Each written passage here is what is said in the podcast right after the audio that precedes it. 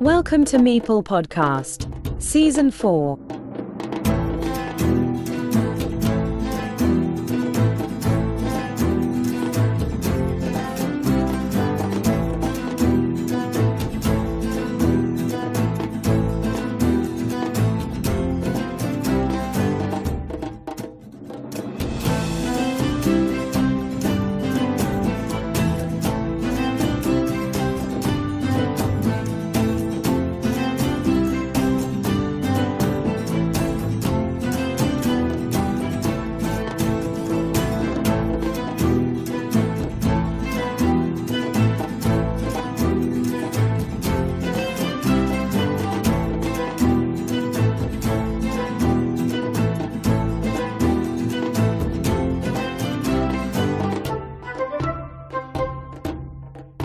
Today, with us, a Portugal team member.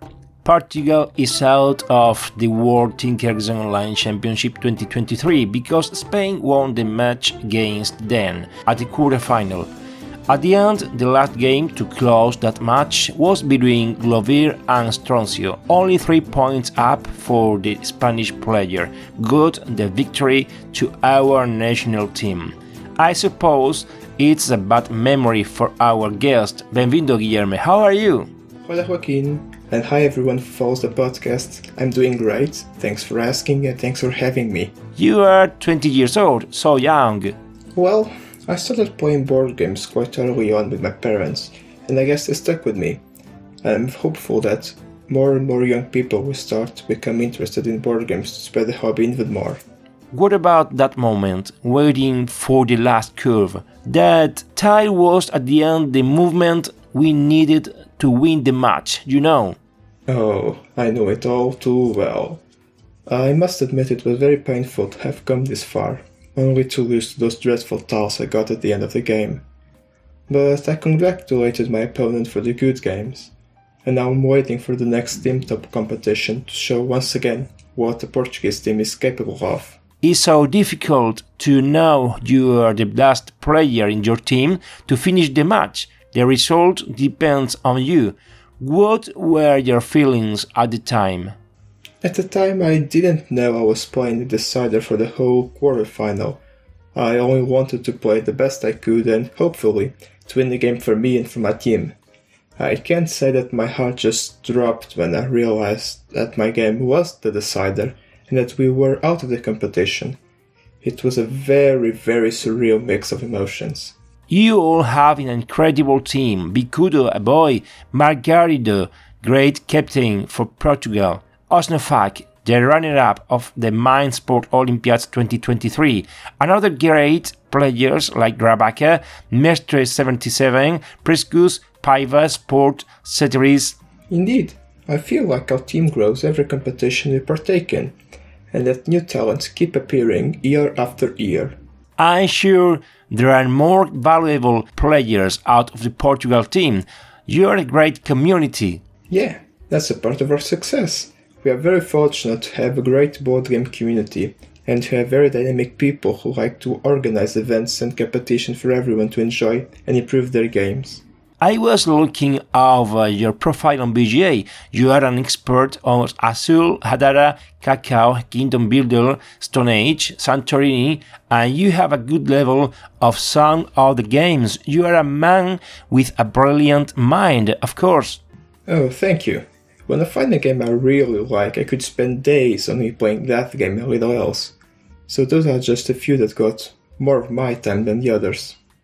But the main reason behind all those and other games I play is again the dynamism of our board game community, especially due to O Maior da tournaments, which translates to the greatest of our village. It's a very similar event to the MSO Grand Prix, but the tournaments are played in turn-based mode. They usually last for 3 to 4 months, and we have a medal ranking, a tournament standing, and a global tournament point system very similar to the MSO one. These are very fun and challenging tournaments only for the Portuguese community, that this current season alone, the 10th season, had over 180 players competing in about 150 tournaments. So this explains why I became proficient in so many games. What was the way you knew the board game arena platform? It was after I found out about the Catan and Carcassonne national championships, because of one of the Maior da Minha Aldeia, MMA for short, organizers Paiva, who told me about these tournaments as were played on Board Game Arena, and so I joined the platform to compete in them as well. What do you think about Asmodee being the new owner of this important website from the pandemic to right now? I don't really have any strong opinions about it, but as long as they keep respecting the player base and delivering new exciting games to the platform, I'm happy about it. Recently, Gregory Isabelli has left the BGA team. What do you think about that? Yeah, I saw the news. It's always a bit sad when one of the founders leaves the team, but this was a very well planned decision, I feel like, and now Gregory is free to pursue anything else he wants to do. So I'm happy for him and wish him the best of luck. Many people want to improve their level on every game, but it's so difficult. I come from chess, and it is usual around the players' community to learn reading books, using computer analysis programs, etc. What could we do to grow up as an expert player? What's the way to be more competitive on Carcassonne? Playing more games against stronger opponents than you is a great way to improve your own playstyle and to learn new strategies. Specifically about Carcassonne, I think that reviewing our game is a very strong tool to know where your weaknesses are and to know what you need to improve in the way you play. But I also think that studying the game more deeply, like the chess players do, is definitely needed to reach the very top, if you want to go that far. Do you think you have a chance to win the next national championship in your country? I do think I have a chance to win, the main obstacle is that many players also have chances to win. So I guess I just need to be in a good day and to play my best, and maybe I can go home as a new national champion. Could you like to visit Essen one day? I definitely would like to visit Essen one day, hopefully to also partake in the World Championship. What's your favorite style in the Carcassonne game? Blocking your opponents, building cities, occupying monasteries, being a thief on roads, farming the fields, uh, I'm a road and incomplete cities, ruins I call them, kind of player. But I also like to block, especially if it comes with a tempo. Like everyone else, I like to play whatever gives the most amount of points at the moment. Except for the fields, they're a bit too volatile for my taste. I think the theory of the majority of meeples is the best strategy to win against everyone. What do you think about spending our resources around the Carcassonne landscape?